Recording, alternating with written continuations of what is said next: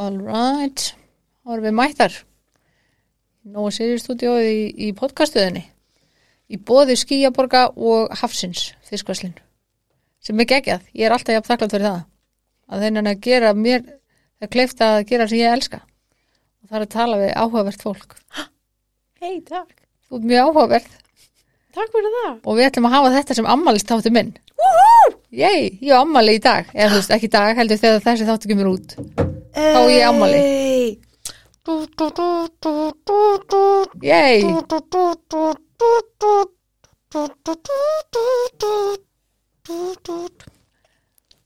Mjög gott. Þetta er ammalsöngurinn minn. Ok. Um, ok. Ég, við erum búin að við erum búin að vera með á planinu svolítið tíma að hittast Nefnilega. mm þannig að þetta er við, þetta tókst hjá okkur þannig að við erum, við erum allavega mjög glað með þetta Indeed we are. Þokkalega. Og takk fyrir að fá mig bara.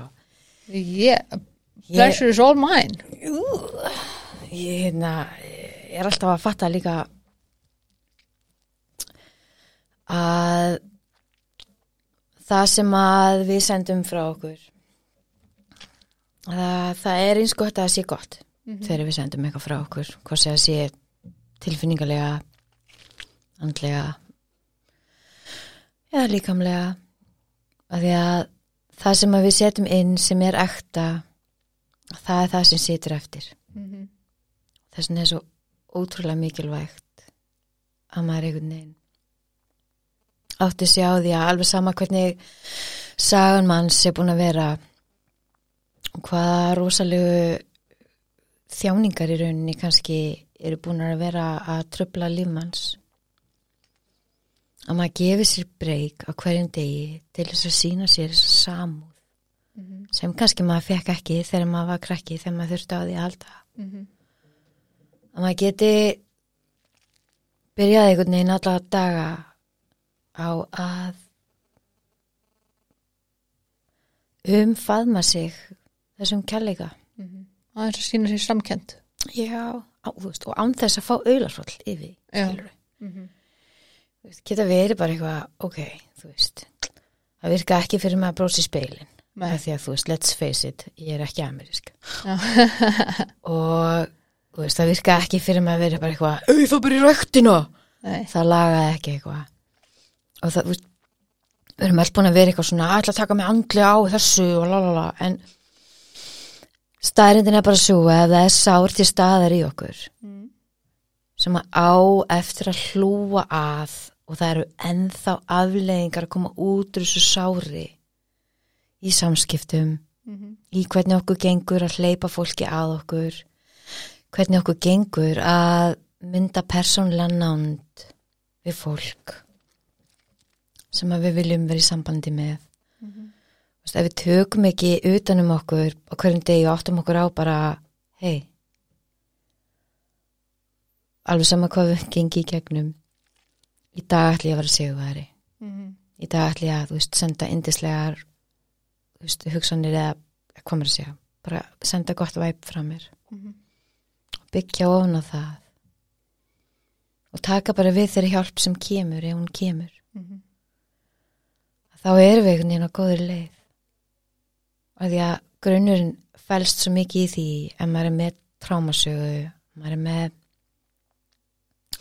sásöka sem að maður hefur ekki fengið að leysa og maður deyfir það kannski með bjór eða fíknefnum eða maður deyfir það með spennu samskiptum og eins og ég er búin að vera að díla við þú veist, sásöka hérna sagt í konstæði að það er hægt að verða háður því að veita sér sásöka Mhm. Þetta er uh, stórmerkilegt fyrirbæri. En og ég hef nýbyrjuð að viðkjanna það af því að einhver, einhver hefði verið að segja mig frá því að meðan á því stóð það hefði ég verið bara nei, þetta er frábær gaur. Hann er að fara að verða eitthvað einhver tíman Ég ætla bara að bjarga honum þangu til. Ég er ekki að bjarga honum, ég er bara að senda honum góð áhrif. Stop kidding yourself en það er alltaf að gefa mér ágætis stand-up efni og hérna ég get, ég get notað það en allavega to the point ef maður er mega sár og maður er að díla við afleðingarnar af því en þann dag í dag það þýðir ekkert að vera í afnýtun endalust allir því að þá ofta er maður að tapa kannski einhverjum fjársjóði sem að er óþarfi að tapa Hárrétt. Það var mjög góður ingangur. Það er Ég var að henda okkur í hver er, hver er konan. yes, það geta alveg verið Merkileg sniðugt. kona. já, heyrðu, hvað er fyrir það ég ætla að reyna hérna þykast að vera upp á hóvær við bara ég er ekki hóvær Jók. en hérna já, ég heiti Sofía Hrönn Uh, ég ætla að segja Halldóradóttir Já. en ég er Gunnarsdóttir sko og ég ólst upp í Breiðoltinu á árunum 87 til 99 Ok. og þegar maður hugsa um sko enn tíma að þá einhvern veginn verður allt rosalega kjört það verður allt bara svona nei, ég ætla ekki að hugsa um þetta. En, en sem betur fyrir í dag er ég búin að endurheimta allar þessar litlu þessar litlu parta í mér sem voru stórir þá. Þessar, þessar litlu sofjur eins og EMDR uh, þerapisti minn eða geðhjúkurnarfræðingurinn ég þurfti alveg að sko fá geðhjúkurnarfræðing Já. Með EMDR, þú veist. Já, og það eiginlega láfið að einhver hefði þurft að halda í hendina mér á með. Þetta er nefnilega helvita erfið vinna, sko. Jú, alveg einmitt massíf sko. Mm uh, líka áttu því að hugrekkið sem að maður þarf að sína inn í gegnum allt þetta ferli og veist, það hætti ekki. Þú veist, maður er að þú veist, það sem að ég þurfti að taka mér fyrir hendur var bara, ok, og hvað er svo stærsta áfallið í lífið þínu sem þú ætti enda eftir að vinnur og bara um leið og hún spurði með því hvað spurði, þú veist, hvað og ég, ég er ekkert að fara að segja bara eitthvað öllum áhörundur nákvæmlega hvað það var, veist, ég er ekkert að fara að stuða neitt, skilur við Góða stuða eitthvað. Nei, tjók. Og hérna, þú veist, hún er einhvern veginn bara, hvað er það sem að þarf mest að vinna með? Og bara einhvern veginn að lýsa fyrir henni þessu svöðu sári Mm sem að ég allan þennan tíma var búin að uh, búa um í einhverjum skraut umbúðum -hmm. einhverjum afneitunar umbúðum einhverjum svona þú veist, hei, það var kannski ekkert svo reikalett Mhm. en, en, en þú veist, ég, þú veist, ég get ekki fullarins afleggingarnar í dag eru sko þú veist, ég get ekki eignast góðan kærast að bjarga lífi mínu, mm Mhm. skilur þá er ég að meina, hann var kannski alveg fín áður en ég kynntist honum Já. en svo kynnist hann mér og ég er bara eitthvað djöfsis Edward, Edward Scissorhands bara clusterfuck þegar kemur að sambandi og samt með stórt hjarta sem ég reyna að hafa alltaf á réttu stað skiluru þetta er vond kombo og veist og ég hef alveg trúið því að allir minnir kærastar hafi reynd að gera sitt besta skilur og hérna, og mér þykir alveg vænt um það og allt það og hérna og ein maður og allt það. Og veist en, en allan tíman var ég alltaf að reyna að vera hilbrigð með rosalegan farangur Mm sem að þurfti að fara í gegnum margar speklanir og mikið af endurskoðun. Að því sko þó ég hef byrjað að vera edru þegar ég var átján það var bara algjört núlta skref það er fullt af fólki sem getur byrjað að vera edru þegar það er bara eitthvað átján, nítján, tuttugu. Svo fer það bara á vinnumarkaðinn og þessi bílpróf og eitthvað krakka og já, er kannski með eitthvað svona svolítið erfitt background dót sem það vinnur svo úr með hérna leðunum sem að mann eru réttar og ég held alltaf að ég væri ein af þeim þú veist bara, Það er því normið þitt er kannski bara ekkit eins og normið er hjá flestum. já, af því þau fættist ekki í fight or flight mode Nákvæmlega. þú veist. og eitt stærsta sem við byrjum að vinna með það var sagt, hún spurði mig EMDR-konan og þetta bara, þetta er svo svo merkilegt sko að því að flestir eiga minningu. Mhm. þar sem að, þeir eru öryggir þeir eru litlir. Mhm. og ég fór ekkert minni svona dáleiðslu, hugleiðslu dáleiðslu, hugleiðslu þar sem að, ég var beðin um að leita að staðnum þar sem að ég átti svona fyrstu öryggisminninguna. Mhm. og ég fann hann aldrei. Og það var svo skrítið Mhm. sem er kannski bara svona já þegar ég satt í sófanum hjá ömmu og var að bara sigupúða og var að horfa Tómi veist, eitthvað svona moment þú veist, eða þegar ég satt í fanginu á ömmu eða mömmu eða þú veist, eða þegar pappi gaf mér fyrstu derhúna mína og þú veist, bla bla bla eitthvað svona, þú veist, eitthvað. Eitthvað þarf ekki að vera merkilegt það þarf ekki að vera merkilegt, það bara kemur eitthvað svona instant öryggistilfning Mhm. og það átti að heima því að bara síðan ég fættist að þá var stöðugt óryggi, ótti og spenna Mhm. og það var ekki bara því að pappi var ofbeldsmaður Nei. og stór hættulegur gagvart bönnum, Mhm. bara ef ég á að vera alveg alveg einleg Mhm. honum hefði aldrei átt að vera hlift nálegt bönnum fyrir það fyrsta Nei. og sér sagt með mömmu sem er hérna veist, með þessi áfallastættir öskun sem er flókin, Mhm. allt óunnið þú veist, ég fæðist 1984 Mhm. og á þessum tíma einmitt líka eru bara flestir fóreldrar að reyna að vera í norminu og eitthvað og mamma mín einmitt með sama dæmi og ég ekki með sama norm og aðrir Ok. þú veist, hún náttúrulega elst upp í ábyldi bara sjálf Mhm. þú veist hún fæðist inn í þetta hérna þetta þessa, að- fyrir ekki hún fæðist inn í hennan tíma þar sem að ef að mömmurnar gátt ekki verið með börnin sín til að byrja með þá var þau sett á vöggustofu Torvaldsen. Mm. sama vöggustafa vöggustafa og fjölnir var á og hérna tattu og fleiri sem að eru ennþá þau eru ennþá að eða sérst, fjöldáin, blessu sé minning hans, íslega ég þóttu ótrúlega vænt um hann og hérna hann sem sagt pappi hennar Mhm. eða fóstupappi hennar hann hérna var ekki hann var ekki búin að ákveða hvort að amma eitthvað neginn mætti almennilega búið hjá hann með hvernig þetta var Ok. og hún var líka að vinna þannig að mamma var þarna í nýju mánu Og svona vöggustofu. á vöggust snertingar laus Mhm. uh, bara sindinni til þess að gefa henni að drekka. Og hún sá mömmu sína bara í úlpunni Mhm. þegar hún kom til hennar og stóð stundin bara gegnum eitthvað gler Mhm. og veist, hún er bara hún er með rísa höfnarsár Mhm. og rosa sásöka af því að þannig vantaði svo ást já. og það er ennþá ótrúlegt hvað hún er bila kærleiksrík Mhm. hún er ótrúlega kærleiksrík og fólk fattar ofta ekkert þegar það heitir hana þú veist, þeim finnst hún vera eitthvað hæber og halda kannski á sem aði háti það er kraftaverk að hún sé ekki búin að skjóta sig. Já. og svo, lapp, svo fær hún einhvern veginn inn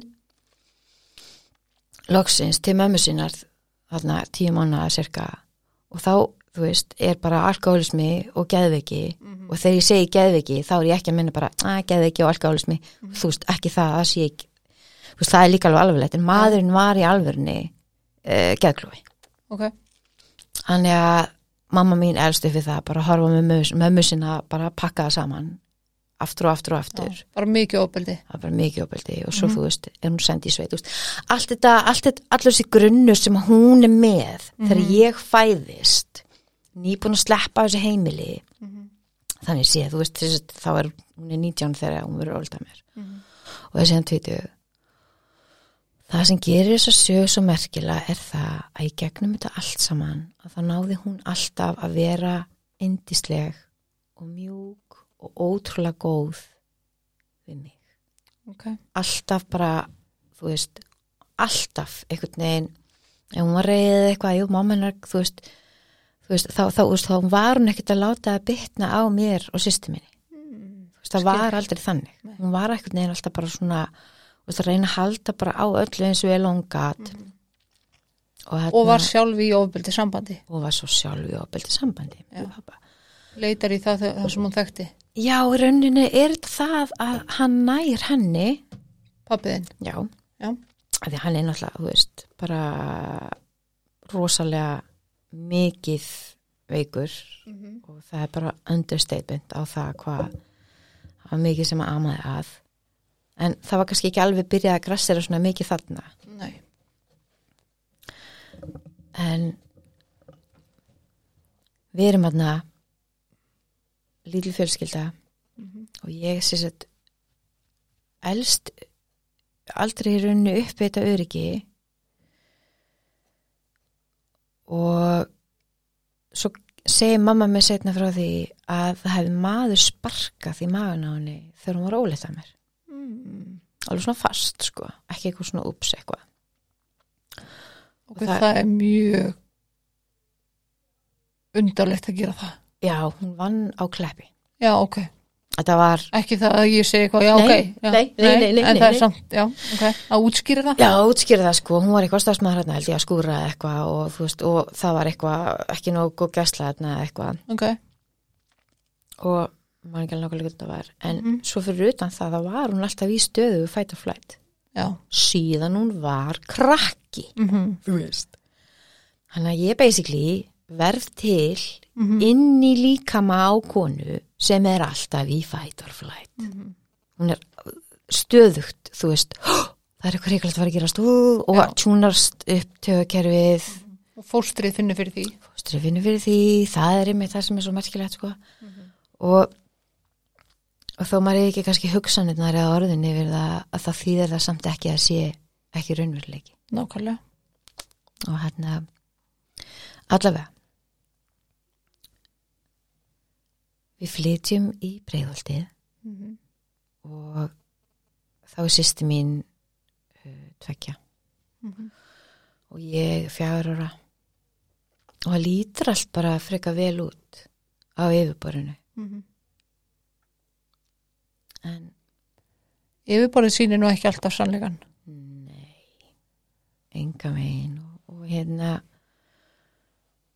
eftir smá tíma þá er mamma farin átt að segja því að hann er að fela hasmóla og hann er að, þú veist, hann er að nota. Mm og ég með að sjá svona minningar sko, í breiðoltinu í blokkunum eru engir gluggar á klósitinu -hmm. þú getur ekki opna glugga. Mm og þú getur hérna sagt líka tekið þá, þá var ógustlega auðvelt að taka hérna sí, síuna undan uh, krananum. -hmm.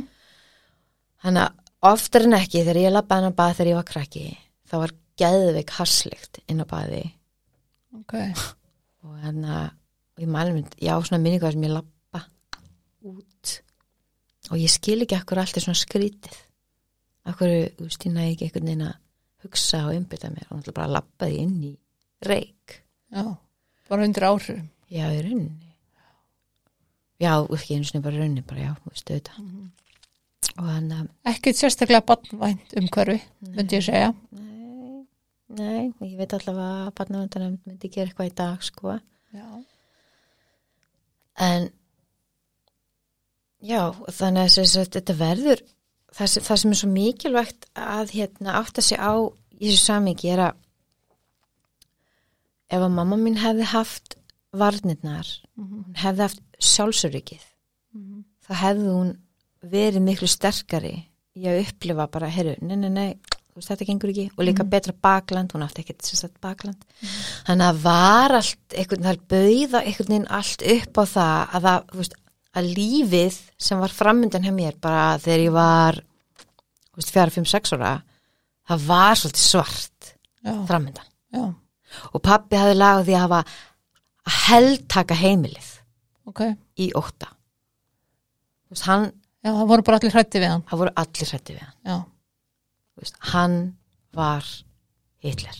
Ok, þú tókst ekki ákvarðanir hann tók þær. Já og ég meina það var líka kannski á þessum tíma að það var heldur ekkert verið mikið að tala um það að konur eða fólk kannski bara yfir höfuð væri mikið að setja mörg nei, þú veist, einmitt. Þú veist það var ekkert verið að segja bara eitthvað herri, nú, nú bara komið að því að ég setja hérna mörg fyrir mig. Bara, svona læti ég ekki tala við mig eða eitthvað, það var bara ekkert, nei, ekkert um það þarna. Já, og svo líka mitt inn í þessu kemur, sko hann ætla bara að landa. Hana hann lamdi hana líka og hann lamdi barnið sitt. Mm veist, og bara og, og nú ert þú mamma. Og nú er ég mamma. Og ég sko eitt af því erfiðasta sem að eiginlega fór í gang hjá mér sem fóreldri þegar ég var loksins orðin móðir. Mm. átt að með á því hvað þetta var gríðarlega óréttlátt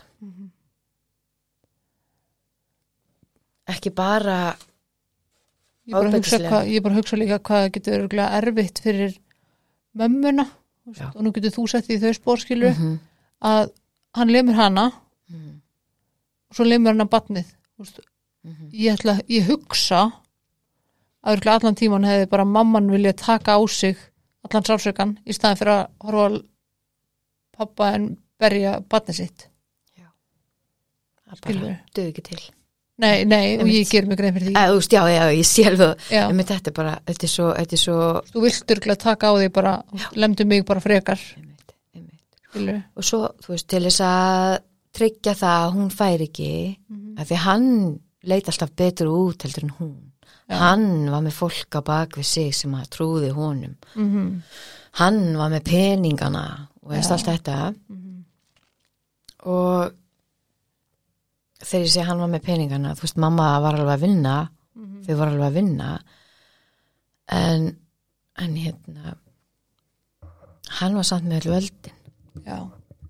Hún veist, var bara mamma- Mhm. ef hún hefði tekið einhverja sjálfstæða ákvörun um að gera eitthvað fyrir sjálfa sig það hefði það bara þýtt ógislega mikið vesen. Já. þú veist, hann bara hún var bara undir hælnum á honum. Það er uh, þannig, já, já, en allavega þannig að við, hérna, öllumst náttúrulega bara upp í þessari rosalegu spennu. Já, og þegar að feður eða mæður, hvort, hvort sem það er bara ef að einstaklingur sem að eh, er stór, pa- þú veist, er hérna höfuparturinn í fjölskyldunni er búin að koma hlutunum þannig fyrir að það sé auðvelt að þvinga og fá sínum vilja framgengt þá er enginn að fara að stoppa. Nei, nei. hann er apex. Mm -hmm. það er enginn fyrir ofan hann sem getur nei. Tekið hann úr umferð. Og hann vissi það alveg. Já, já. Hann var búin að sjá til þess. Og búin að átta sig einmitt eins og segir hún þekkti ekkit annað, hann var löngu búin að átta sig á því að mamma mín myndi aldrei reyna að verja sig. Mm -hmm. að því hún myndi ekki þorraði Já. að því hún myndi fara í panikmót og það er það sem fight or flight gerir. Já. og þess vegna er svo ótrúlega mikilvægt að díla við þessi sár úr fortíðinni sem geta kveikt á fight or flight ég heyri líka bara að þetta er þér mjög mikið svona hjartans mál sko Já. að díla við sér sár sko Já. Að ég með þetta, veist, sásöki sem er ekki meðhundlaður, hann finnur sér leiðir, mm -hmm. hann fer í gegnum sprungurnar og kemur svo fram einmitt í þessu, bara sem að heitir kannski ótti, en ótti er ekki bara ótti. Þú veist, maður getur ekki alltaf díla við ótta bara sem eitthvað huglegt. Þú veist, við þurfum að læra að meðhendla taugakerfið okkar. Við þurfum að læra okkar ein aðferðir og byggja grunn, þú veist, þannig í lífinu að við líka áttum okkur á því ef einhver annar er í fight or flight. Þá er ég að meina sko, stundum erum við að díla við fólk sem gerir eitthvað ósálrátt. Kannski með viðbröðin þeirra, ósálru viðbröðin þeirra er kannski ekki að með einhvern. En það getur verið eitthvað svona svolítið öfgafullt. Þegar við hittum einhvern sem að átta sig á því þegar einhver er í fight or flight og hann getur sagt, herðu, bökkum aðeins, þú veist, hann, þetta er, við- er ósálrætt viðbröð hjá hannum, stoppum okkur hérna aðeins af. Það fer út í einhverja stjórnlisis vittlisu, þú veist, út í eitthvað, akkur varst að segja þetta, þetta, þú veist, og byrja eitthvað svona eitthvað fighting, að bara stoppum aðeins. tjúnum okkur bara aðeins niður. Já, skrúum okkur aðeins niður. Mögulega er þessi einstaklingu sem við erum að díla við í massífu survival ástandi. Og þessi veit ekki að því þú veist þú veist, það myndi leysa svo mikið af einhvern veginn vandamálum í staðan fyrir sko að láta stolti alltaf strax taka yfir. Mhm.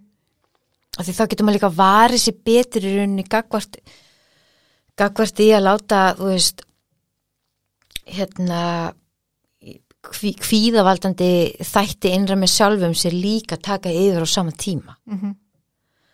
og þú veist, þegar við, þegar, við- þegar við náum einhvern veginn að stilla okkur af af því að við höfum einhvers konar vald til þess þá er það einmitt vegna þess að við erum farin að geta meðhöndlað jafnvægi inn í taugakerfið Mhm. af því það er þar sem að tryggararnir fæðast Já. það er þar líka sem að úsálfráða viðbröðum fæðast og ofbeldisafleðingar þeim fylgja gigantísk uh, bara sálræn áfalla viðbröð Mhm. við stundum bara svona aðstæðum sem er kannski meik ekkert sens fyrir öðrum Já, já. Og þó þetta sé ekki eitthvað ábyrrandi það getur ver- verið rosalegt svona tilfinningastýpli viðbrað að gerast innra með viðkomandi. Mhm. og bara þess meira meðvitið sem við erum um okkur sjálf og fólki í kringum okkur að þess auðveldur að vera fyrir okkur að stoppa óþarfa árekstra. Já, því þetta getur verið, þetta getur verið rosalega óþægilegi triggerar. Já, sem að auðvitað og eðlilega ekki allir þekkja en þeir sem þekkja þá mm vita það að þetta getur bara veist, að fá svona trigger -hmm. þetta getur skemmt bara heilu dagana fyrir manni veist. en um leiða maður átt þessu á þeim og reynir að tala kannski svona smá við sjálfa sig veist, tala sig svona tala sig ekki niður heldur tala sig að sinna róa sig niður. Tala sig sko, tala við hausun á sér að það, þú veist, það einhvern veginn allavega ég tala fyrir sjálfa með að það svona getur hjálpa manni. Algjörlega, algjörlega. Og, og ég myndi þess að þú veist þetta þú veist, að geta veist, tekið utan um sig mm -hmm. það er til svona maður getur googlað sko how to regulate the nervous system. Mm uh, með því að hérna uh, nota ákveðnar uh, hérna, snertingar á sjálfan sig þú veist eins og, eins og maður sé að vera knúsa mann. Bara sína sjálfu sér svona samkend setja lóan á hjartað. Og já, setja lóna hjartað og svo er eitthvað til sem heitir svona butterfly. Já, hérna, hérna fyrirlavangir á mann sjálfan sem að ég samt komst að að í mín tilvilli þessi fyririldavangir þeir kom út frá því veist, veistu hvernig það kemur? Nei. það kemur út frá því að þegar að við erum í móðurkviði að þá finnum við þá er sérst eðlilegt að finna fyrir hjartslætti móðurinnar. Og þetta hérna þegar við svona höldum svona utanum einhvern veginn og klöpum okkur með svona fyrirldavengjum já, með svona fyririldavængjum að það á að hafa svona súþingamitt áhrif á bara einhvern veginn endur stillinguna ok, sem að við getum í rauninni veit okkur. En hérna gaman að læra eitthvað nýtt. Já, en hjá mér, ég þurfti að læra að gera þetta alveg svona bakvið. Af því að, ok, þú veist, ég, ég þarf að fara alveg bara hérna, þá finn ég þetta þá er ég bara, já, klappaður á baki oh my god, já, ég þarf að, ég þarf að þú veist, til þess að gera butterfly wings, þá Já. þarf ég að svona knúsa mig gett svona, ég þarf alveg að fara með olbúna gett langt til hliðar ok, Trókslega fyndi. En þá næ ég svona, ah, já, ok, að því að eftir að þessi maður sparkaði í magnum um því orðinni, mm. og sneri ég mér aldrei. Þess vegna var ég keisari. Þannig að bakja mér var miklu nær hjartanu heldur en, þú veist, þetta, þetta, þetta, þetta vibration dæmi sem fyrir gang þegar fólk, þegar, þegar börnin eru með hausunar í þessu stað. Mm. Þannig að það var magnað Ríkar merkilegt sko. já, þetta er magnað Já, hann er að þú veist, maður á sko að því það að vera fullorinn, mm -hmm. að því því samt ekki að maður sé fullorinn. Nei, Er maður tengdur inn á fullorðins línuna sína og veit maður einu sinni hvað það er. það er oft hundleðilegt að vera fullorinn sko. Æ, ég það. en einmitt þetta. Viljum við ekki öll fríðindin? Fríðindin af því að vera fullorðin og þá kemur einmitt þetta bara, ok, ok en þá þarf ég samt að taka allan pakkan. Mm ég þarf líka að taka ábyrðapakkan þarf að taka, reikningana. Já, og reikningana og læra þá bara fyrir ykkar að ég veit ekki læra þá bara fyrir ykkar hvað ætla, hvaða reikninga kæri ég mig um að borga? Þú veist, er ég að fara að fá þjónustu um eitthvað sem ég ætla ekki að borga? Ok, nei, þú veist. Um, kannski er ég ekki dómbara á alla þess að blessu fullarinsreikninga þegar ég er kannski bý ekki ennþá alveg svo flóknu lífi. Nei, En já, en svo margt annað líka bara sem fylgir hefur að fullorinn sem að, að hefur ekkert með peninga að gera. já, já, hellingur Sem ég veit alveg að þú veist, skilur þú alltaf. Já, já, En sko, en hvernig var þú þú fluttir í bregðaldið Mhm. pappin er neyslu mamma er með allan sinn áfallapakka mm -hmm. sístín er hann að fætt orðin tvekja, þryggja ára, eitthvað sleiðis hvernig þróast lífið þitt við höldum bara svona mm, höldum þræði. já, ef við reynum það Já, ekki það að flest allir þættir hér eru svona ATHT þættir og við förum fram og tilbaka jú, jú, jú. Og það er allt í lagi. Já, þetta er svona gott skip. já, Mm. ætla að færa þetta til mm. hérna í rauninni læri ég bara að ég er hrætt heima hjá mér ok en allstaðar annarstaðar er ég örug mm. nema ef að pappi er þar. Nema ef pappiðin er á staðnum? Já. ok. Þannig að þú veist heima hjá vinum. Sérðu þú veist mun strax þegar þú veist bara svona bann hvernig er þú veist eins og heimilislíf heima hjá vinuðinum eða vinkonum eða hvernig þessi það er? Hvernig það er öðruvísi heldur en þitt heimili? Sko, í rauninni fer maður að átta sig á því hvað er öðruvísi þegar að maður sé viðbröð fóreldrana ef að börnin gera mistök. Mm. Það er bara, eru svona ofsafengin viðbröð heima þér bara við að þú veist hella niður eða Já.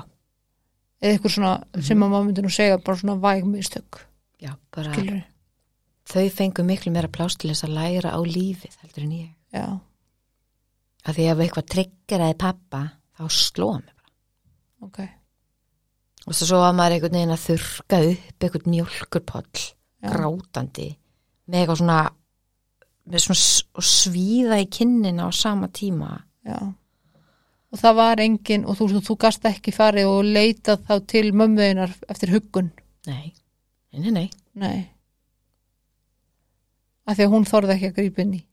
nei, nei, nei, og vera að styðja við það að ég geri þessi mistök aftur, bara glætan. Ok.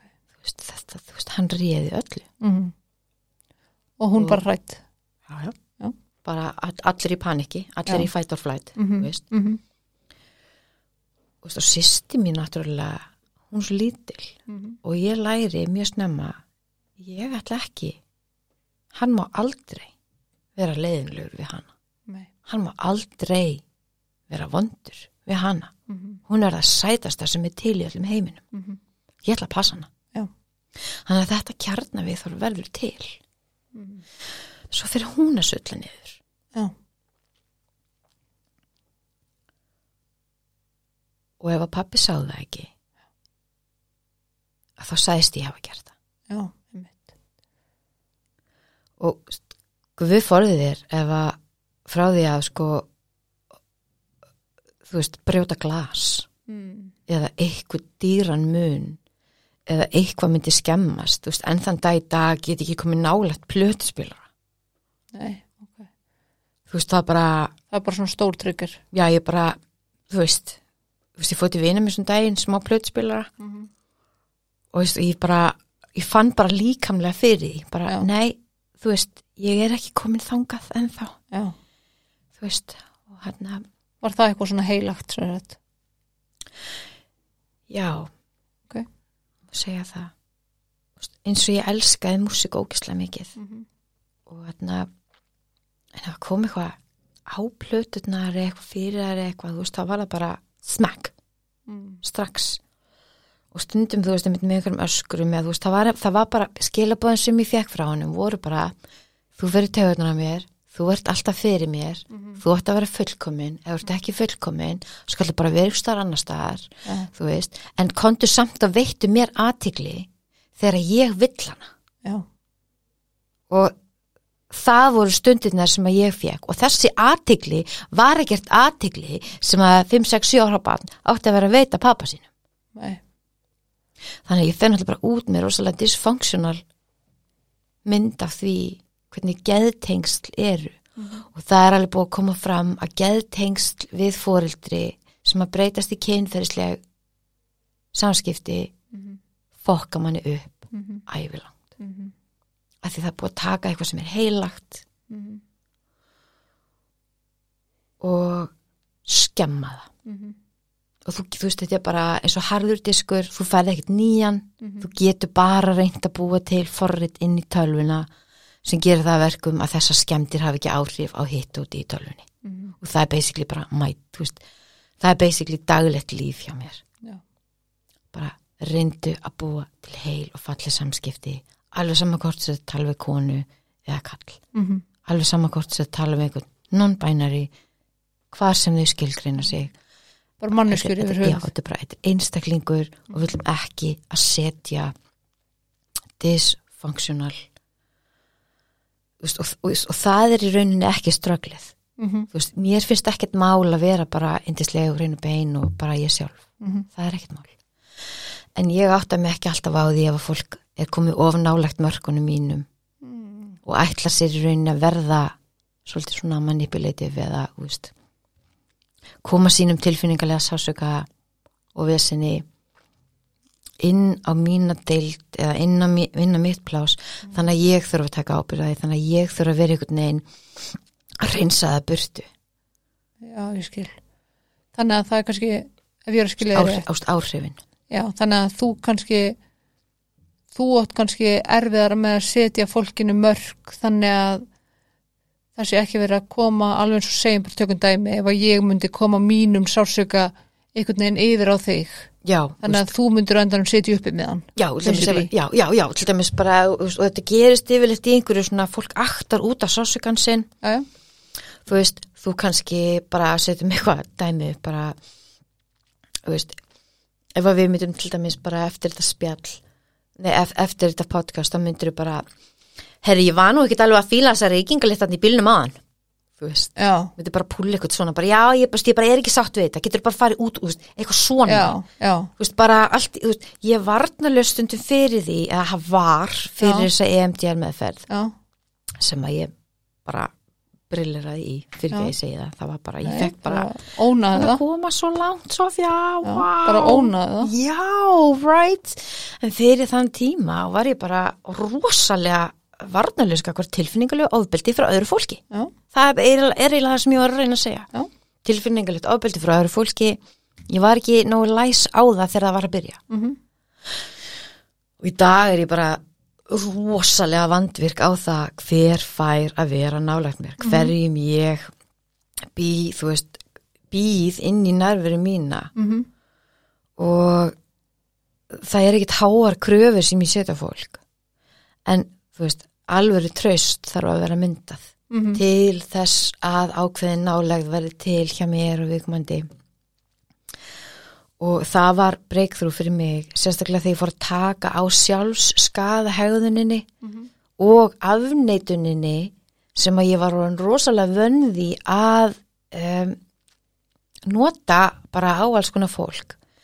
Af því að ég meika ekki að vera ekki nálætti ég meika ekki að þau myndu hafna mér eða ég, ef, ef þau myndu taka því illa ef þau myndu setja út á þú veist, það var svolítið svona áður fyrir þannig sem er aftur beinafleðing af líkamlega opildi og höfnun og einhaldi mhm. og þarna þú talar um þú ert þess að, hvað ertu gömul þegar pappiðin fyrir að uh, misnota þig?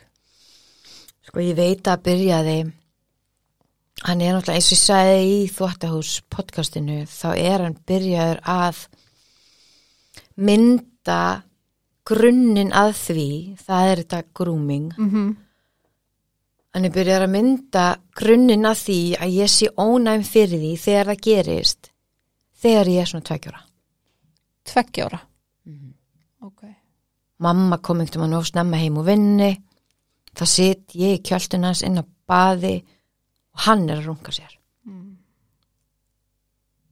og bara eitthvað svona er eins ógeðslega skakt og viðbjörslegt Mm. og er eiginlega hægt að ímynda sér Já. engin soprano þáttur hefði ever verið með einhverju svona atriði Mhm. allavega ekki án þess að ekki allavega án þess að það atrið hefði einungis verið búið til til þess að sjá hvað hefði verið geðveikt ef hausin hefði verið höggvin að þessum manni Mm þú veist, og barninu bjargað Mhm. en það gerist ekki Nei. það var bara veist, mamma er mitt bara ok, einhvern tímann þarf ég að fara frá þessum manni Mm. fokk, veist, hvað Mhm. og svo útskýrði það þegar mamma sagði mér frá sig ég var 17 það útskýrði fyrir mér, já ok þess vegna var alltaf allt svona uh, skrítið einhvern veginn hann fór einhvern tímann með mig ef ég fór einhvert með honum einhvert í og mamma var ekki með það var alltaf eitthvað bói í gangi Mm. Ná, úst, ef það var ekki til fjölskyldunar eða eitthvað svoleiðis mm. og þannig að þú vissir alltaf já, veist, það var alltaf einhver svona tilfeyring sem fylgdi því já, já, já já. Svona, ó, ó, þú veist, já, Mhm. ok þetta er einhver vinnur hans pappa, bla, bla, bla eitthvað, og heldur að mamma einn hefði vitað það? Grunaði það. Já. en hún er meitt, eins og bara flesti fóreldrar Mhm. var bara, nei, þú vilt ekki, þú vilt ekki trúa það það er ekki shit, þú veist, hún, hún hann grunaði þetta hún reyndi að spyrjast fyrir um þetta hún reyndi að, þú veist, hann sá náttúrulega bara til þess Mhm. að hún myndi aldrei fatta það. Já, og ef hún myndi einu sinni minnast að við hann þá náttúrulega bara var hún lúbarinn já, og hann tvisvar sinnum lamd hana svo illa að hún var næstu í dáin ok og í eitt skipti sko svo rosalega illa að hún kom ekki bara blá á marin í framann, hún kom tvöföld mm. í framann eftir eitthvað þorrablót sem að hún hafi farið á með, með honum í vinnunni og þá var sko mamma búin að láta fjölskyttumælum vita að hann væri að berja hana. Hún var að reyna þarna á þessum tíma að reyna að leitast eftir hjálp. Hún talaði bara við vittlisa mannesku. Mm. Þú veist, hún talaði við tilfinninga skertasta meðlimin út af því að hún vildi trúa því að þessi einstaklingu geti hjálpað henni. Mm Og hvað gerir hún? Hún ringi bara í pappa. Hvað? Hvað? Dóra var að segja að vera að berja hana. Er það, þetta satt? almatur Þannig að um, ég hefði getað mist mömmu mína þetta kvöld. en sko vel gert, því líkt hugur ekki að þóra að að reyna að leita sér aðstofar hann Mm -hmm. Hún reyndi. já, Þannig vissi hún ekki að hvenna hverfi var komið.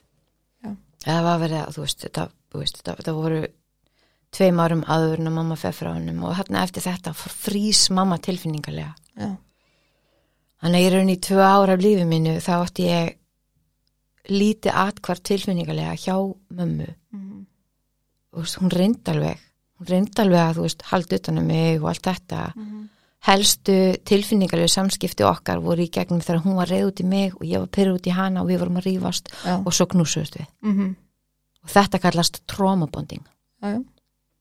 Þú veist, þannig að allt þetta, þú veist, og ég, ég meina með þess að hef ég einu einhvern tíma verið bara já en ég meina þetta gerist ekki svo oft endilega, veist, það var eitthvað að hefði gerst að hvernig skiptir ekki máli. Nei, Það að þetta hafi gerst einu sinni er alveg nóg. að Það- sjálfsögðu það að þetta hefði gæst oftar er tragedía. Já. En, og það sem mér finnst alltaf, sorry, já, er já. það sem mér finnst alltaf svo veist, í fyrsta lagi náttúrulega bara eins og við svo sem vorum að spjalla saman áður en byrjum að taka upp Mm. maður er svo fegin að skilji ekki svona fólk Jesus, og ég leifi mig bara að segja svona fólk ég, það er bara ekkert að því. Nei.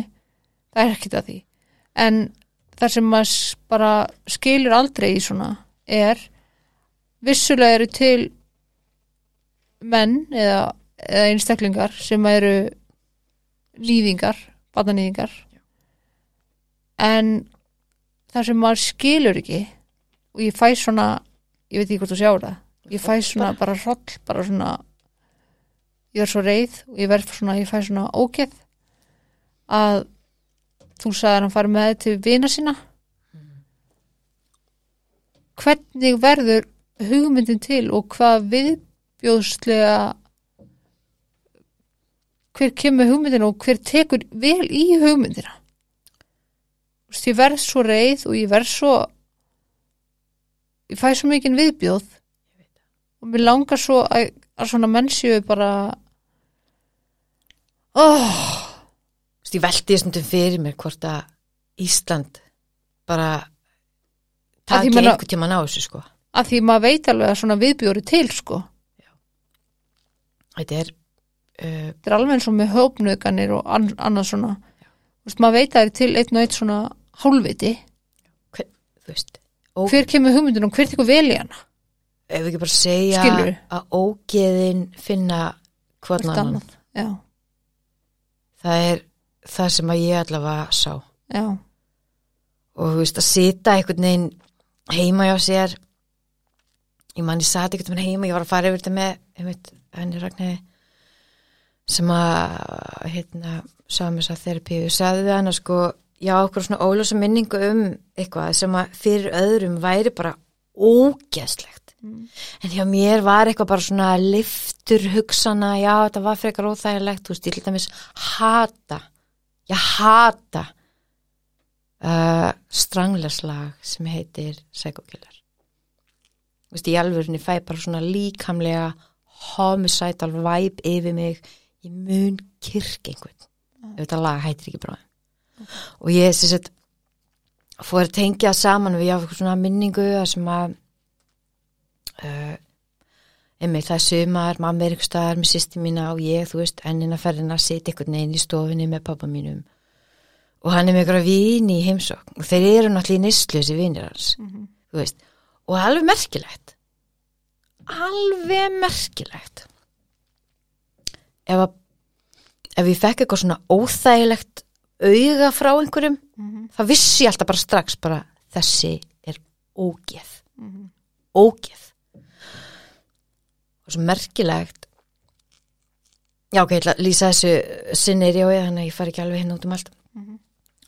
Um, ég sé að og þeir eru að horfa uh, og þú veist á eitthvað, eitthvað svona myndband og ég átti að maður því að þetta eru tónleikar þetta er ekki bara eitthvað myndband þetta eru eiginlega tónleikar. Og pappi talaði við mig eins og ég væri svona 17 ára vinkona þeirra sem væri bara hanga með. Það er svona talsmátinn sem ég fekk einhvern veginn frá honum. Og hann er og, svona, og vinir hans þú veist, er einhvern veginn aðna allt einhverju kallar einhverjir, þú veist, kannski svona fjórir eða eitthvað og þú veist, og þeir fara að tala einhvern veginn líka svona við mig eins og ég sé bara einhver 17 ára þú veist, og ég er mögulega svona 7-8 ára þarna. Já,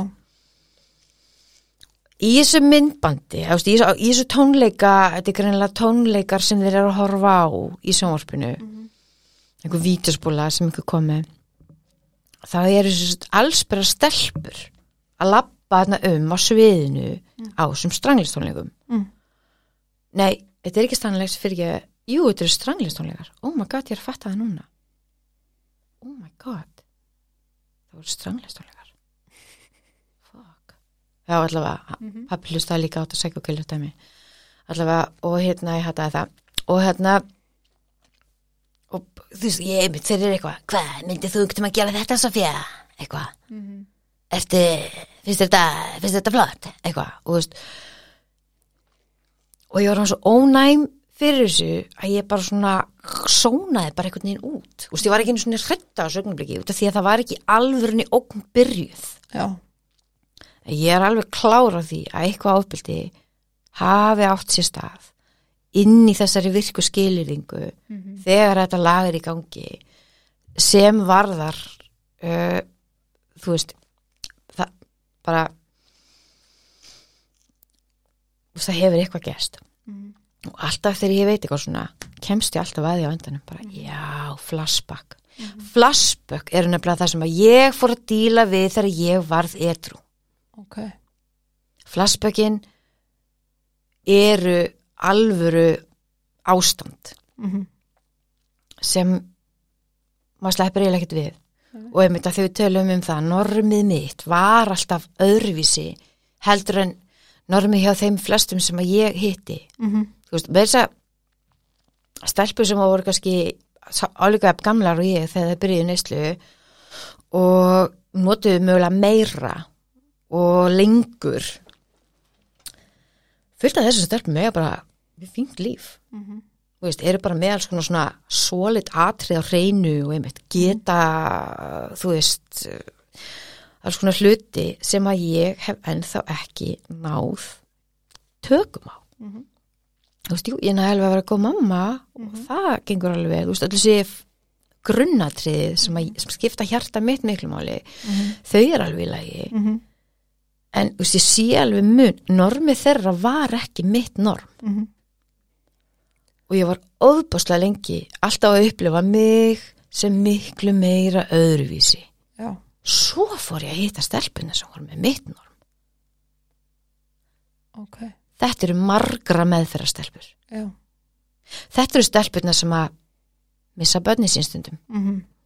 vegna þess að tilfinningalegi sásökun þeirra ofbeldi sem það fór í gegnum Mhm. oftar en ekki, einmitt er þetta stelpur sem voru lagðir í einelti líka. Mhm. því að krakkar ráðast á þann sem er varnalaus ef að krakkarnir er ekki stoppaðir. Já, og stelpur fíla ekki að hafa veika svona veikburða dýr í hópnum ef þær þekkja hann ekki er ekki búin að þekkja hann nóg lengi hann henni er bólað út úr hópnum líka. Þannig í rauninni erum við að tala um sko tvíverknað á, ást, á aðstæðum. Veist, þannig að þú veist það er einhvern veginn og þetta eru líka stelpur oft sem sko hafa ha, miklu herri þörf Mhm. til að fá útrás fyrir grettuna sína þegar að kynþróska skeiði byrjar og það tröflar stelpunar sem eru ekki með þetta norm. Það stuðar þær. Og þetta er sé ekki líka stelpur sem að bara þrá líka svo mikið að tilheyra. Jú. Þrá að tilheyra. Mhm. og þú veist þannig að þegar þú spyr hvað var framöndan hjá mér Mhm. uh, það sem var framöndan var bara erfiðleikar í samskiptum. Mhm. áttaði mikið á því af hverju skildi ekki fólk? Af hverju gáttu ekki líka skildi mig? Af hverju áttaði sig enginn á dýftinni sem að þurfti að laga hjá mér? Af hverju var ég að taka alltaf svona mikið plás Mhm. að því ég þurfti að fá bara brútal sálfræði aðstóð Mhm. þegar ég var rann sjóra var einhver sem áttaði sig á ástandinu á heimilinu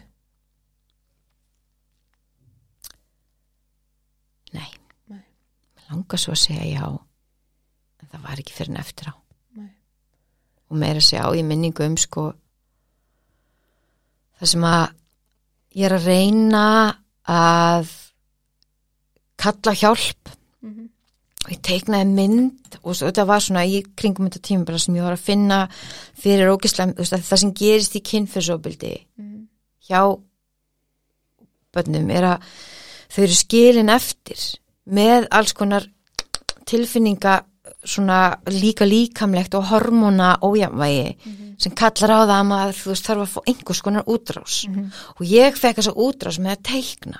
Ok, og með að vera í klambarbi já, og það var alveg þú veist, það var staðurinn þar sem að þessar tilfinningar fengu útrás. Mhm. ég man ég var að hlusta þú veist, ég var alveg að byrja að hlusta rock og allt á þessum tíma. Mhm. og það, þú veist að því þurfti að fá einhvern veginn svona eitthvað og mm veist, þetta var það eins ég var ennþá, málega ég var ennþá að leika mér í klambarbi þegar mamma og pappi voru skilin. Þú veist, og ég er 12 ára. Ennþá bara, ok, ég þarf að sleppa takin á þessu, þú veist. Að því þetta var átlettið sem að ég átti fyrir einhvern veginn svona uh, þú veist það sem var, það sem var að gerast innum sem ég skildi ekki. Mhm, en sérst þarna, mamma er að kveðja þetta, eða, sérst, já, svona moment þarna það sem að ég mamma er að kveðja vinkonu sína og ég er að teikna og ég er átt ára. Það er nýjára og ég teikna konu sem er först á einhverjum bekk að búa bindana niður og það er menn að sprautana og það er líka menn að sprautana á engastæðin sinn. Mhm, En í hugunum að mér, ég veit ekki hvaða, sko, ég veit ekki hvaða, bara einhverja, einhver, einhver rosa aftenging sem var í gangi. Mér dettur í huga, stökkvast að með þessa mynd, rétta mömmana og segja, mamma, ég teknaði mynd handa þér. mhm, Að því mér langaði svo mikið að fólk sæði það sem að vissi ekki hvað í gangi heima með mér. mhm, Að það væri eitthvað sjúklegt sem þyrfti í alvöru að taka á.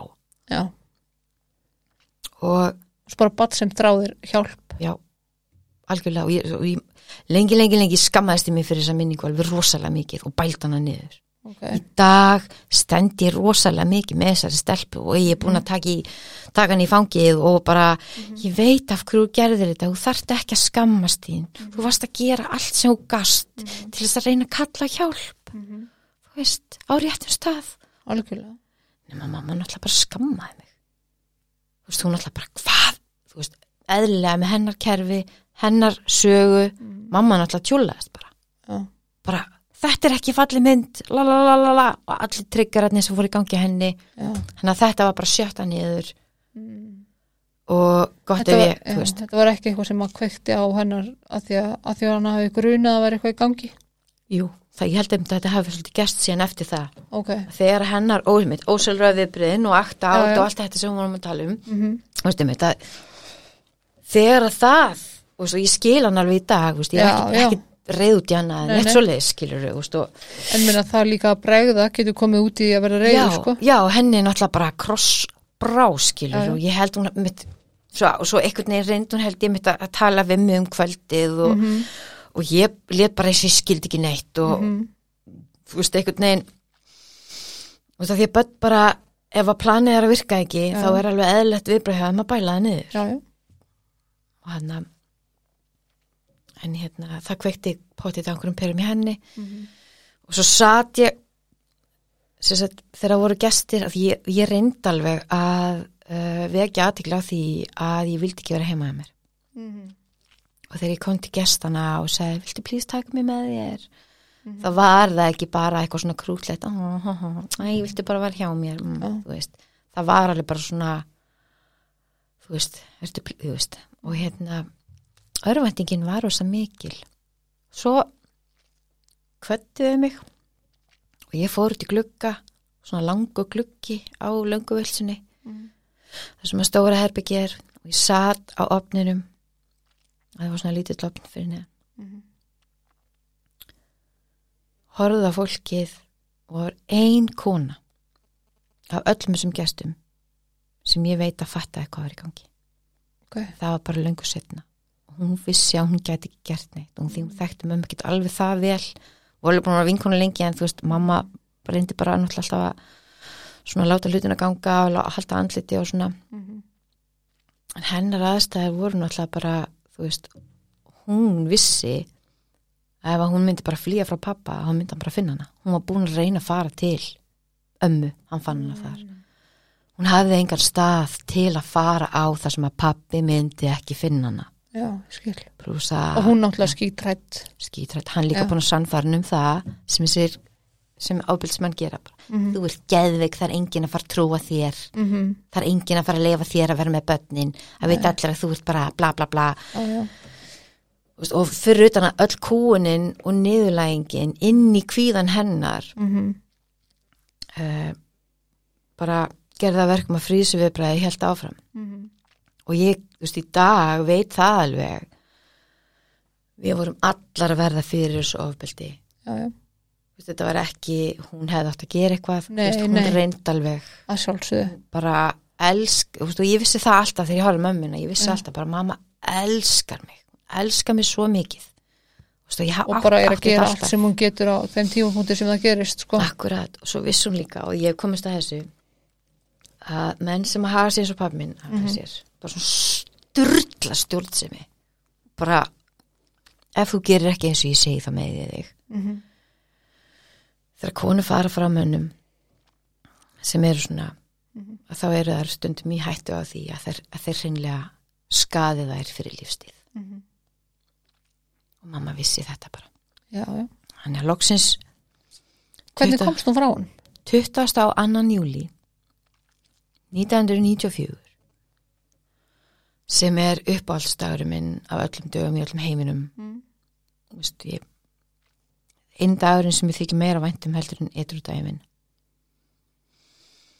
Og nú er ég búin að eitthvað í 20 ár og þú veist þessi dagur ætti aldrei að vera efst, efstur á, á, á listanum. Mhm. en það er ennþá þessi dagur. Þá er pappi að fara á einhverja ásæti en einhver djölinu mann ekki hvað hann var að fara að gera. Það var bara eitthvað, hann bara verið eitthvað merkilegur og þú veist, Mhm. var búin að dressa sig til. Hann fer er pikkaður upp og svo heyri ég mömmu bara já, ég vil fá bílina í Gíðfell 12 Já. og svo heyri ég bara kling. Stelpur! Takið svarta ruslapóka og setið fötin ykkur og dótið ykkur út.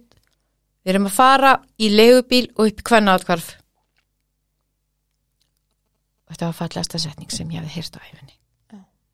í þrjú ár var ég búin að óska þess að þessi maður myndi deyja Mm. í þrjú árið eða meira var ég búin að vera skítrætt við það að eitthvað myndi komið fyrir mömmu mína eitthvað myndi komið fyrir mig ég var komið ógi á því að vera alltaf að taka upp hanska fyrir sýsti mína ég veit ekki hversu oft ég var lamin fyrir eitthvað sem sýsti mín gerði Mhm.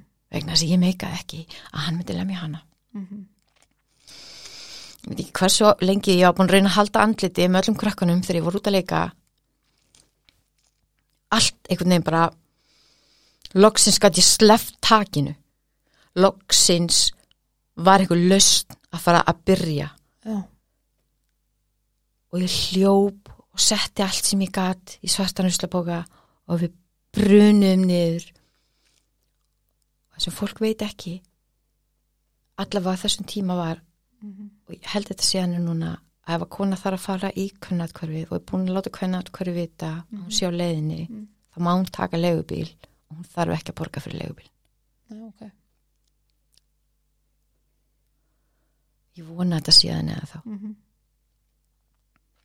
ég er ekki alveg búin að kynna mér það en svo mætu við og mamma sagði alveg sama hvað gerist stelpur ég er aldrei aftur að fara að fara til pappikar Mm. aldrei, ég hata hann. Þau þurfu aldrei að búa með hann aftur. Aldrei. Og ég man ég fór bara gráta af gleði. Og ég man að mamma var bara er, er, er ekki alltaf lægi að vera farin frá pappa og ég var bara, jú ég er bara svo ógisla fegin.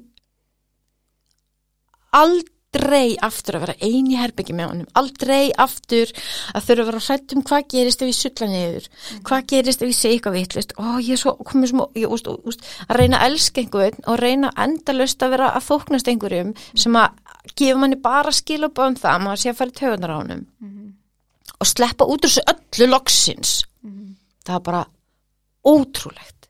Þetta var eiginlega bara já það var að besta sem að hefði nokt um að koma fyrir Og hún er mjög sterk maður. Gera þetta. já uh, og líka bara í trúðinni Mm. svo fyrir við hvað við eigum dásamlegan tíma þar Ást, eins, eins dásamlega Já, já. og hægt að hafa og, veist, Mhm. og ég sé hina krakkana sem eru líka ekki með sama norm og hinnir alveg eins og ég. Já. og þetta var bara svona byttu, what? Byttu og, og veist, allir einhvern veginn svona pínundisfunksional og litlir í sér og viðkvæmir og samt stundum ábelsfullir og, og grétu og svona, veist, það var svona veist. Og ég var bara ok, ok, ok, ok, ok. Og eina er að þekki ég ennþá í dag sko Ok. af þessum krökkum og hérna þú veist og hún er mitt, henni gengur vel og veist, hún er retru og, og hérna, hún er Hvað það er dýrmætt fyrir börn. oh my god, þú veist búin að vera upplifa svona alien syndrúm alveg bara alltaf Já. og svo bara koma þarna að sjá bara ok, ég er ekki eini heiminum sem er að Já. Og svo, svo fer maður aftur í skólan og maður veit. Ég vissi bara. Já. Hérna eru venjulegu krakkarnir, eða svona skilur. Fyrir utan kannski það sem ég átti eftir að koma að staða. mm Og ég fór á reunion 3. júni í fyrra. já, Og ég með þess að setti þvóttahús podcasti sko eiginlega bara svona hei, þú veist, það var svona síða og mér var bóðið að vera með á þessu reunioni. Og svona eins og gefur að skilja átti ég ekkert eitthvað sérstaklega næs kannski eins og, eins og að tala um að sko þegar kynþórska skeiði byrjar hjá stelpum. Eða bara krökkum bara. krakkum bara eftir að hafa orð fyrir kynfyrsóbildi að þá, veist er ákveðni hluti sem að vera alltaf löngu búið Augljós. að kveikja á einhverjum kvötum sem að Já. eirinn ekki að vera búið að kveikja á. Já, já, já, já, þá kom einhvern veginn þú veist, ég átti að með alveg á því að að ég misti af líka stelpunum mm sem að voru vinkunum mína, sem voru vinkunu hópurinn minn. Og þú veist, ég var svo sem ekkert eitthvað rosalega sterk í honum fyrir. -hmm. en þær voru samt alveg, þú veist alveg góða vinkunum mér þóttu trúlega vænt um þær og ég átti alveg rætur með þeim. Og ég skrifaði eiginlega sko svolítið hvernig það, þau, það hvernig þau vinkunusambönd fóru bara upp á, þú veist, að þegar við erum komnar úr kvennatgarinu að þá byrja bara stólker syndrómið því að pappa aftur Ok. hann bara býður fyrir utan hurðina hann býður fyrir utan hurðina þegar við erum að koma úr skólanum mm. mamma átt að sjá því að það þýðir ekkert að láta okkur labba heim úr skólanum Mm. og ég þurfti tíu ára að vera í dagrætuvel með fyrsta til fjórða bekk ok, og mátti aldrei fara heim með vinkonum mínum. Ég mátti aldrei einu svona detti, búst ekki einu svona þó ekki einu svona vinkonum mínum sem mátti heim í hólunum. Mamma bara neitt bara ég ætla ekki að gera neitt sem ítir undir það að pappiðin finni þig. Bara fyrirgjáðu, það er bara svona. Já. og hann var að lauma sér inn á stígagangin þykist að vera einhver annar opnaði hörðina og svo þegar hann var komin inn í íbúðina þá datt hann bara inn í nákvæmlega sama vald. Mm. og einu sinni þurfti ég og sýsti mín einu sinni náðan þessu og amma var að passa okkur. Og veist, ég og sýsti mín við þurftum að fara upp á löggustöð. Já, og þá, þá, þá lögið ég að því við pappa með bara mestu kvolpa augunum mínum. Mm og það voru einu skiptin þar sem ég var góðulegari annars er ég alveg bara hef ég bara alveg, þú veist já. Ég komst að því þegar ég var í neyslu til dæmis að ég er alveg ógisla lélugulegari og hérna hjálpa alveg til við það að ég hef orðið að trú þegar ég var átján sko. -hmm. bara nepp, computer says no. En þegar ég þurfti að vera það þá var ég alveg sannfærandi að því að þetta sniðist um að bjarga lífi sínu og þá Já. var ég góðið og ég sagði hann að ég þurfti endilega að finna kaffi handunum að vera ekkert kaffi til ég og sýsti mín hlaupum upp á löggustu sem var hjá krón. Mm segjum við lögguna herru þú verður að taka mamma, mamma má ekki veist, hann, nei, mamma fór frá pappa er, eru þið plýst til að koma og taka hann? Og löggan gat ekki gert neitt af því þið voru ekki skilin. Mm. það mátti ekki koma og ná í mannin þó að þrátt fyrir 13 eða 14 sko áverka skýslur upp á spítala Mm. sem s- sko voru allar skrifaðar á það sem hann hefði gert mömmu Já. þrátt fyrir þú veist allt sem að hvenna að hverju hefði geta sagt en við, þú veist þannig þurfti ég að ringi mömmu láta hann auðvitað að pappi væri komin og mamma þurfti sko að fá nágrannan okkar til þess að keipa hann út sko Mm. það var bara hræðilegt og sko terrorið já, að upplifa aldrei pappa sinn sem pappa. Mm hann er alltaf ógn, bara alltaf eitthvað skrimsli. Eitthvað skrimsli. Já, Þú veist, fullt af krakku voru hrætti við skrimslinn í rúminu. Mm ég tengi ekkert við það. Nei. ég var hrætt við mannin í stofunni. Já. líka hann kom inn í herbyggi til mín á nætturnar Mhm.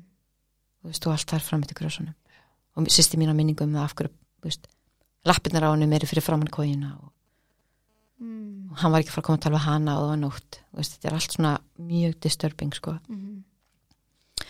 en að góða í þessu er það að ef ég hefði ekki þennan kraft Mhm. inn í lífinu mínu ef ég væri ekki með þennan eiginleika alltaf að laða inn í lífið mitt indislegt fólk sem að stýðu mig og ef ég hefði ekki alltaf haft þetta hugur ekki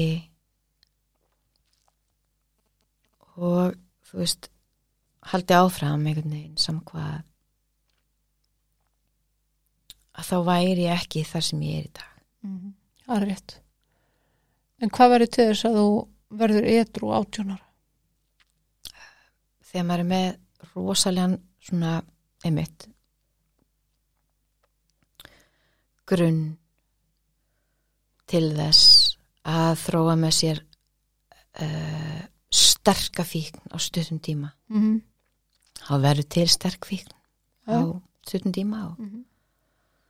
mér eru bara rétt líka efnin sem að þarf til þess að uh, fylla þessa fíkn og svo tekur náttúrulega bara fíknin yfir já. og ég var farin að átta mig á því að ég er ekki við þetta og ég reyndi mitt að fara í meðferð ég reyndi að vera án fíknefna en ég endaði bara með því að fara aftur einhvern veginn að drekka Mhm. og þú veist með drikkjunni komin alltaf fíknefni að maður var orðin vanur þeirri vímu Mhm. þannig að ég áttaði mig á því að ég var á hættulegum stað og ég vildi ekki í alvörunni talað þannig að vildi ég ekki að mamma mín myndi þurfa að jarða mig Nei.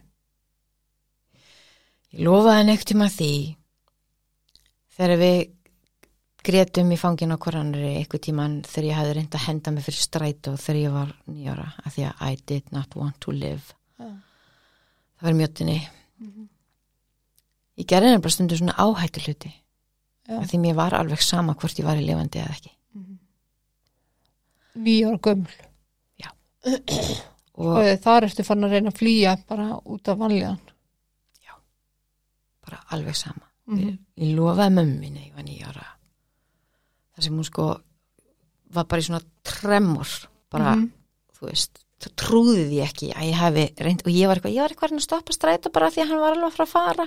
Og Já. strætóstoppustuðinu var bara eitthvað er barnið þetta eitthvað geðsjúkt? Þú veist, hérna, að því að hann var að fara að taka á stað sko, í, og einhvern veginn í einhvern svona útópiskum heim í hausnum að mér held ég að það myndi stoppust þetta eru öfgafullu hlutirni sem geta gerst inn í höfðinu á barni þegar það er búið að vera í öfgafullum sásuga Mhm. of lengi Já, og hérna hún sagði við mig ef að þú deyrð að þá dey ég líka Já. og ef að ég dey að þá er sýstín ein með pappa hennu Mhm. og ef að ég missi þig að þá missi ég allt Mhm. þú verður að passa upp á þig Mhm. þú verður þú mátt aldrei láta mig missa þig viltu please passa upp á þig það var eitthvað svona eitthvað svona rosa Geðsfræring. eitthvað rosa gæðsræring og allt það þú veist, og náttúrulega bara að sjálfsögðu skýr endurspeglun á þessu sjúka ástandi sem var búið að vera svona lengi Mhm. þú veist, og hann búin að vera, veist, hann brutti spýtpillur Já. inn á heimilinu Mhm. hann, þú veist hún var alveg sama veist, allavega einu þá slefti hann því að borga leiguna út af því að hann kefti fíknefni Mhm. fyrir leigupinningin Einmitt. svo við heyrðum eitthvað að verður bara grjónagrautur út mánuðin og mamma var bara einhverju paniki. Þú veist, og svo náttúrulega bara allt annað sem að koma eftir því og þú veist, og veist, auðmingja sýsti mín að horfa upp á þetta allt.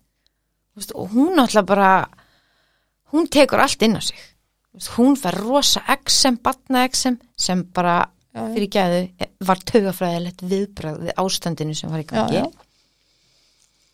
Um,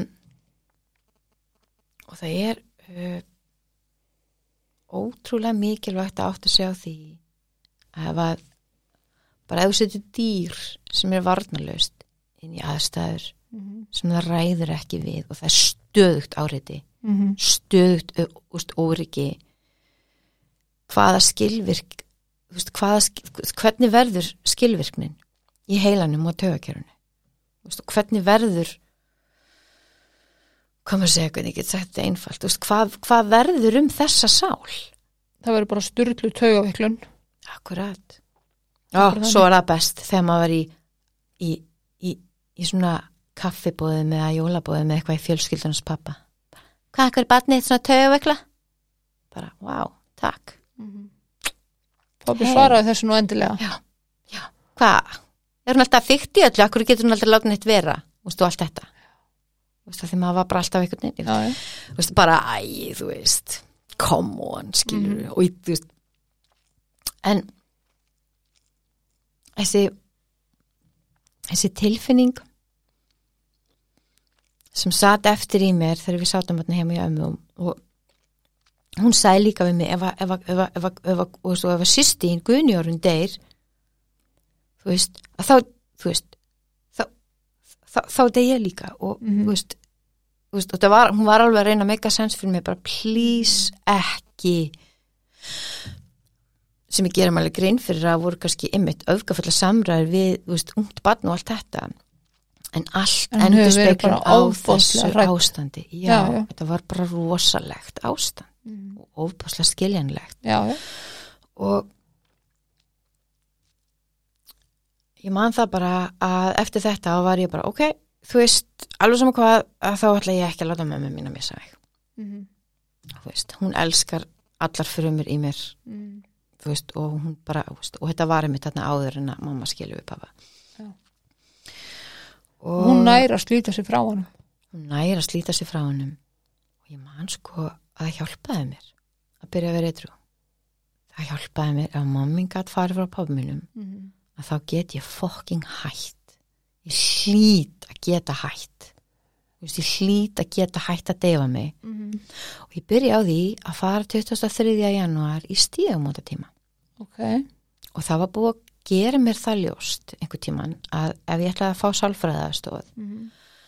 með þetta dótari sem ég hef farið í gegnum Mhm. get ég það ekki ef ég ætla líka undan fíknefni nei, nei, nei, ég get ekki verið í virkri fík Mhm. og sálfræðastoð nei. og hérna ég man ég var alveg hart bróken sko. Já, ég var bara, býtu ég er að reyna að laga mig hérna getur ekki bara að laga mig kona? Hún var alveg þó Já. maður fái sér aðeins. Dísas, dísas maður þú veist, stundum er ég bara að fá mér eitt kaldan og svona átta jónur en þú veist, come on. Þú veist eitthvað. Og hérna og allt í lagi, og því að mamma sem sagt, ég hafði tekið eitthvað svona acting out on the pain, bla bla bla dæmi eitthvað, mm. því ég var 17 ára heima og mamma átti kærasta og hann var bara eitthvað, hún er bara stjórnlus uh, senda hann til sálfrængs eða segja hann að fara heiman. Þú veist, og ég vil ekki fara heiman þannig að ég fóði sálfrængs Aja, Þú veist hann að árið samt eftir þetta fer ég að heiman sko já, og ég er búin að vera að heiman í hérna þú veist, ég er búin, já, ég er búin að vera að heiman í næstu ár. Mm. og þá byrja ég að vera eitthrú Ok. því að ég áttaði mig á því að ég myndi ekki geta verið í dagnislu og haldi vinnu og pleysinu mínu á Nei. sama tíma. Það var pínu klasterfag sko. Já, það er, það er ákveðið versin já, var vesinn sko. Og ekki var ég að fara að finna mér eitthvað kærasta eða, veist, eða byrja eitthvað að, veist, búa til eitthvað pening öðruvísi heldur en að vera í vinnu. Maður verður að vera í vinnu sko, Já, það er já. víslendingar sko. Við erum íslendingar, bara áfram gakk áfram gang sko. Þannig að ég byrja að fara á að fara bara í hjálpina sem Mm. að var í bóði já, og og þetta fara skynsumulegðina já, ég reyndi það. En, en, en. 23. janúar er ég búin að, þú veist, þannig er ég nýbúin að taka eitthvað vinnufyllir í. Þar sem ég var enn eina ferðina búin að, þú veist ég var alltaf, ég var alltaf geðveikt stekta gælan á vinnustæðatjami ég bara trúi því. Já, einmitt. Það, það var alltaf bara svona oh, þú veist, allir held þú veist, ótrúlega oft sem fólk held að ég væri búin að fá mér en ég drakk mig bara dópað skilur, ég Já. drakk bara þangar til að ég var bara hérna og, veist, og einmitt, oft spyr, varst að nota eitthvað meira? Og ég var bara nei í alvörunni, ég var ég myndi segja það, I'm not afraid of it. Eða, veist, ég er ekkit eitthvað að fara að ég hef ekki að fela skilur, en ég var í njást hann er enn eitt svona djamið eigðilega leðbusna mínar í einhverju, þú veist, bóðslaupi þú veist, inni, innan dyrra hann að það var úkslega fyndi og ég bara, nei, þú veist, ég, þú veist, ég er ég er að, ég er að lappa einhverja mjög skrýtna slóði í lífinu og þú veist, framtíðin mín er ekki björt. Ég ætla að, þú veist, og mamma á búin að segja þú verður að fara, fá einhverja hjálpat í stígamótum og þú veist, þú verður að þú veist, finna eitthvað, þú veist, þú verður að gera eitthvað fyrir þessu mikið að fagfólki til Sofía, þú veist, plís til, já já, já, já, já, ok, ok, ok, ok. Sitinnan tíma, ég fótti konu sem þetta Dóra. Hún er ekki lengur að vinna í stígamótum en alveg stórkostleg kona. Og hún var akkurat það sem ég þurfti akkurat það sem ég þurfti sko. Hún var bara svona ótrúlega friðsæl vera sem bara hlustaði á mig og tógaði upp úr mér það sem þurfti að koma. Og ég fann bara eitthvað svona inn í mér svona oh my god, ég get byrjað þetta ég get byrjað þetta. Ég nenn ekki lengur að vera stekta gæluna fyllir í hennu Ég nenn ekki lengur að vera í dagdreymum um það hvernig ég get byrjað í dagneyslu. Ég vill ekki verða eins og þessi maður sem að við vorum fasta með hérna á heimilinu. En ég ákvæmst bara eftir að enda eins og hann eða enda með einhverjum sem virkar eins og hann. Fokk, þú veist, glætan. Já, Glætan. Og ég áttaði mig líka alveg á, þú veist, maður var búin að fara alveg í nokkuð partí og átta sig á, sko, uh, hvaða lið getur verið þar með þess að þú sé ekki einu svona fíklar mm bara það er til fólk að, sem leitar í veikara fólk já, já. Sem, til að sanna fyrir sjálfur sér að það sé ekkert svo slemt sjálft. já og hér, og hér erum við að tala um sko svo þegar enginn sér til gera þau eitthvað ógeðslegt Já, já. Þau þurfa ekkert að fara í meðferð. Þau eru ekki fíklar. Og svo setur fíkillin eftir með. Já. og ég fyrirlít svona fólk. Mhm.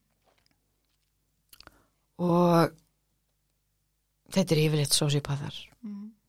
þetta er yfirleitt psykopathar og að því að þau sko vilja græða á því að fá kikk út af einhverjum eða fixa sig á einhverjum sem, þú veist, inn í end getur ekki beint varið sig og heldur svo bara áfram. Og ég var bara, ég vill bara losa mig út úr þessu. Mm. ég vill bara ég get ekki lengur hort upp á þetta. Ég veist, og þýðir ekkert að vera með stórt hjarta og get ekki logið þegar maður er í neyslu og maður Nei. langar að fara í dagneyslu og fíknin sem ég er að díla við hún er það mikil að mér langar bara að hanga með fólki sem að, þú veist, hugsar ekki neitt eiginlega og er bara tss, tss, tss, hérna, að því að mér langar heldur ekki að hugsa neitt þú veist, mér langar ekki að finna fyrir neinu og ég get ekki. Og ég var bara á svona okkur springistaf eins og eins og að vera eldfjall inn í mér. Og ég bara, ok, þetta eldfjall er að fara að gjósa. Og ég þarf bara að byrja ábyrð á því að þetta eldfall gjósi á réttan stað. Mm setna einmitt áttaði mig á því hvað það er rosalegt kraftaverk að ég hafa orðið eitthvað á þessum tíma. Vá hvað ég nefndi því ekki vá hvað mér langaði að, að, mikið að vera bara í partíi með hinum krökkunum skilur Nákvæmlega. það er bara krakkir þegar maður er átján ára. Já, já. Veist, og þú veist, og þetta. Uh, sem betur fyrir hafði ég ekki þróa með mér eitthvað svona líf þar sem að ég, þú veist, gæti ekki sofi hjáð nema ég væri full. Já, mjög öðvöld með að sofa hjá þegar ég er ekki full. En sko ég veit að það hefur haldið stundum sem stelpum mín eslu sem hafa verið með mína sög Mhm. uh, ég þurfti ekki að drekka í mig sjálfströst Já. til þess að höstla eða bla bla bla Mhm. Þú veist, ég var ekki þar, þannig að það hjálpaði mér sko En fórstu leitaður einhvern tíman í kallmenn, kærasta, eitthvað svoleið sem að voru ofbeldismenn til dæmis? Svona korter í það sko. Ég átt, þú veist, ég átti algengt. já, ég átti vin sem að, veist, í dag erum við alveg góð sko, hann veit Já. alveg hann, hann veit alveg bara, ég var ógeðslega heimskur úlingur fyrir geðu, þú veist, hann er alveg Já, þar sko. En á þessum tíma var hann að díla við einhvern tilfinning á vanda en hann var svona besti vinu minn. Mhm. svona my friend with benefits. Og ég var alltaf skotin í honum og ég átti svona traumabonding samband við hann. Og ég veit að, veit að í dag þú veist, ég meina, hann var með bara einhverju svona líka parta í sér og pappi var með en, þú veist, góðu partana. Þú veist, að því að maður er alltaf að leita þú veist, ef að stelpa fær ekki eða bara ef að barn fær ekki pappa sinn þá kemur barni til mig að leita að pappa fyrir utan heimili nema einmitt í mínu formi þá kom það út eins og þú veist, í, í þessum tengslum og einmitt eins og ég talaði um hann ef að geðtengslin blandast við kynferðistengsl þá verður uh, svona ákveðin það er bara brenglun. Já, brenglun, já, já, já, það verður þessi brenglun og maður áttur sér ekki alveg á henni. Hann að það er ekkit skrítið. Það sem að fólk kalla þetta í þessu er yfirleitt sásuki og tengslar og skunar afleðingar og í minn tilfelli var, var það þannig sko. En þú veist góð spurninga mitt mest rákana svo setna þú veist það var yfirleitt sko ég var mjög viðkvæm fyrir tilfinningarlega og andlega ofbeldi. Já. og yfirleitt svaraði ég bara með sama tilbaka af því að það var ekki líkanlegt ofbeldi. Sko ég hef náttúrulega bara ég er bara nýbyrjuð að að, veist, að átta mig á því að ratarinn minn á stráka þú veist kom bara af hræðilum stað. Já. og og hérna eins og ég sagði aðan skilur ég, þú veist, þessi, þessi stráka sem hafa, veist, við erum með mér og svona þú veist, þeir hafa aflust allir bara reyndi sitt besta fyrir utan einn, en þú veist, hann er ekki lengur gaur þannig að skeitir ekki máli. He's not included. Og hérna hann sést að hérna ofbeldið snerist líka um sko ég átti náttúrulega líka erfitt með að í rauninni að vera eðlileg og heilbrið sjálf í einhverjum samskiptum. Og ég tengdi heldur ekkit við stráka sem voru bara heilir. Nei, nei, veist, sem fóru bara í jakkaföld þegar fóru, þeir fóru á jammið og mm fengur sér appi sína morgunin og kaffibólla með mömmu sinni já, já. Ég bara veist, ég tengi ekkit við þessar stráka sem að, veist, bara held áfram í íþróttum og, og fór í þú veist, og kláruðu, þú veist framhaldsskólanám og Mhm. eitthvað þú veist, þeir, þeir voru náttúrulega ekkit að munni bylgju leng nei, nei, og þannig að eðla þróa ég bara með mér bara, já, ég fíla eða bara alltaf stráka sem að líti út eins og þessu nýkomður úr fangelsi. Já, já. Bara svona svolítið svona lifaðir og búin að fá dýft lífsins aðeins og þú veist og hérna svona bad boy syndrom já, í rauninni samt er þetta líka uh, ég upplifði mig ekki góða, nei, nei. Þú veist. Mm ég upplifði ekkit að ég væri að fá og oft er það líka sko púsliða bakveita bad boy syndrom er að sko stelpan upplifir ekkit að hún hérna sé eins og hinnar góðu stelpuna -hmm. þú veist. og í rauninni sneðis þetta heldur ekkit endilega um það ég vildi bjarga þeim. Nei, ég vildi bara vera einhvern veginn saman í baráttinni um að, um að, hérna, um að vera bara svolítið svona þú veist, svona svolítið cool og vera svolítið svona, þú veist, við erum pínu hérna on the edge, já, Já. þú veist. Þessi samhæfing. Mm. en svo líka, þú veist þykir mér pínleiti ennþá aðlæðandi menn sem að líti út eins og geti buffa pappa minn á fimm myndum þetta er bara eitthvað sem ég þróaði með mér skilur já, já, eðlilega. En ég laðast yfirleitt mest að svona alfa típum. Mhm. ég er alveg búin að komast að því. Og hann að þú veist svona en það var aldrei líkanlegt ofbeldi í sambandunum sem ég var í. Nei, það var kynferðslegt ofbeldi í einu. En eins og segi, það er ekki lengur einhver sem er uh, gaur lengur um, það er bara rosa veikur einstaklingur sem að, að þú veist, þarf að fá mikla hjálp og ég vona að hann fá þess að hjálp einhvern tíma Mhm. það er ekkert mikið við því að, að gera Mhm. en að, að bara ég náði ógstlega vel að spotta út hver væri líkleg, líkleg til þess að beita ábyldi og ég var líka yfirleitt með vini sem ég hefði ringt í ef ég hefði einhvern tímann verið beitt ábyldi líkamlega, það hefði ég bara nei, ég hefði bara hent stóli hann skilur já, bara, hef- ég er alveg árásækjöld já. Þú þú ert bara klár með þín mörg bara ég er búið með mitt, já, já, þú veist, það fær enginn að meða mig nei, skilur, Nei. það er alveg saman hvað það heitir. Sem er dásamlegt. Já. þú ert búin að fá þitt. Já, akkurat. Og þú veist, ef bara frekar í, þú veist um, og þarf ekki að vera í baráttu þú veist, ég bara veit hvernig, ég að ve- hvernig maður velur sér hlutina skinsamlega í bata frá afbilsafleggingum frá áfallastreitu. Líka í bata frá sko viðhorfunum sem að koma þegar maður kemur úr svona rosalega miklum eldi sem batna því maður er náttúrulega bara brent batn og ef heitin er of mikill að þá forðast ég það. Mjög svona að án, án í rauninni svo mik mikils efforts já. sem er mikil kostur Já. og mér langar að spyrja þér svona í lokin Mhm. ert ekki fegin að hafa ekki ert þessi, þessi gen Jú, klálega. Ég hef bara, fekk, ég fekk alltaf besta úr sko pappa fjölskyldu en, en það en ekkert pappa fjölskylda. Ég er nefnilega alveg, þú veist, þau, þau, sem að hafa það sem að mig langar í, Já. ég fekk það. já, Og svo fekk ég alltaf besta frá mömmu. já, Og þú veist, og við erum að tala um alveg bara svona gen sem að passa rosa vel. Og líka bara, þú veist, fyrst og fremst, að, veist, að vera með hjarta á réttu stað.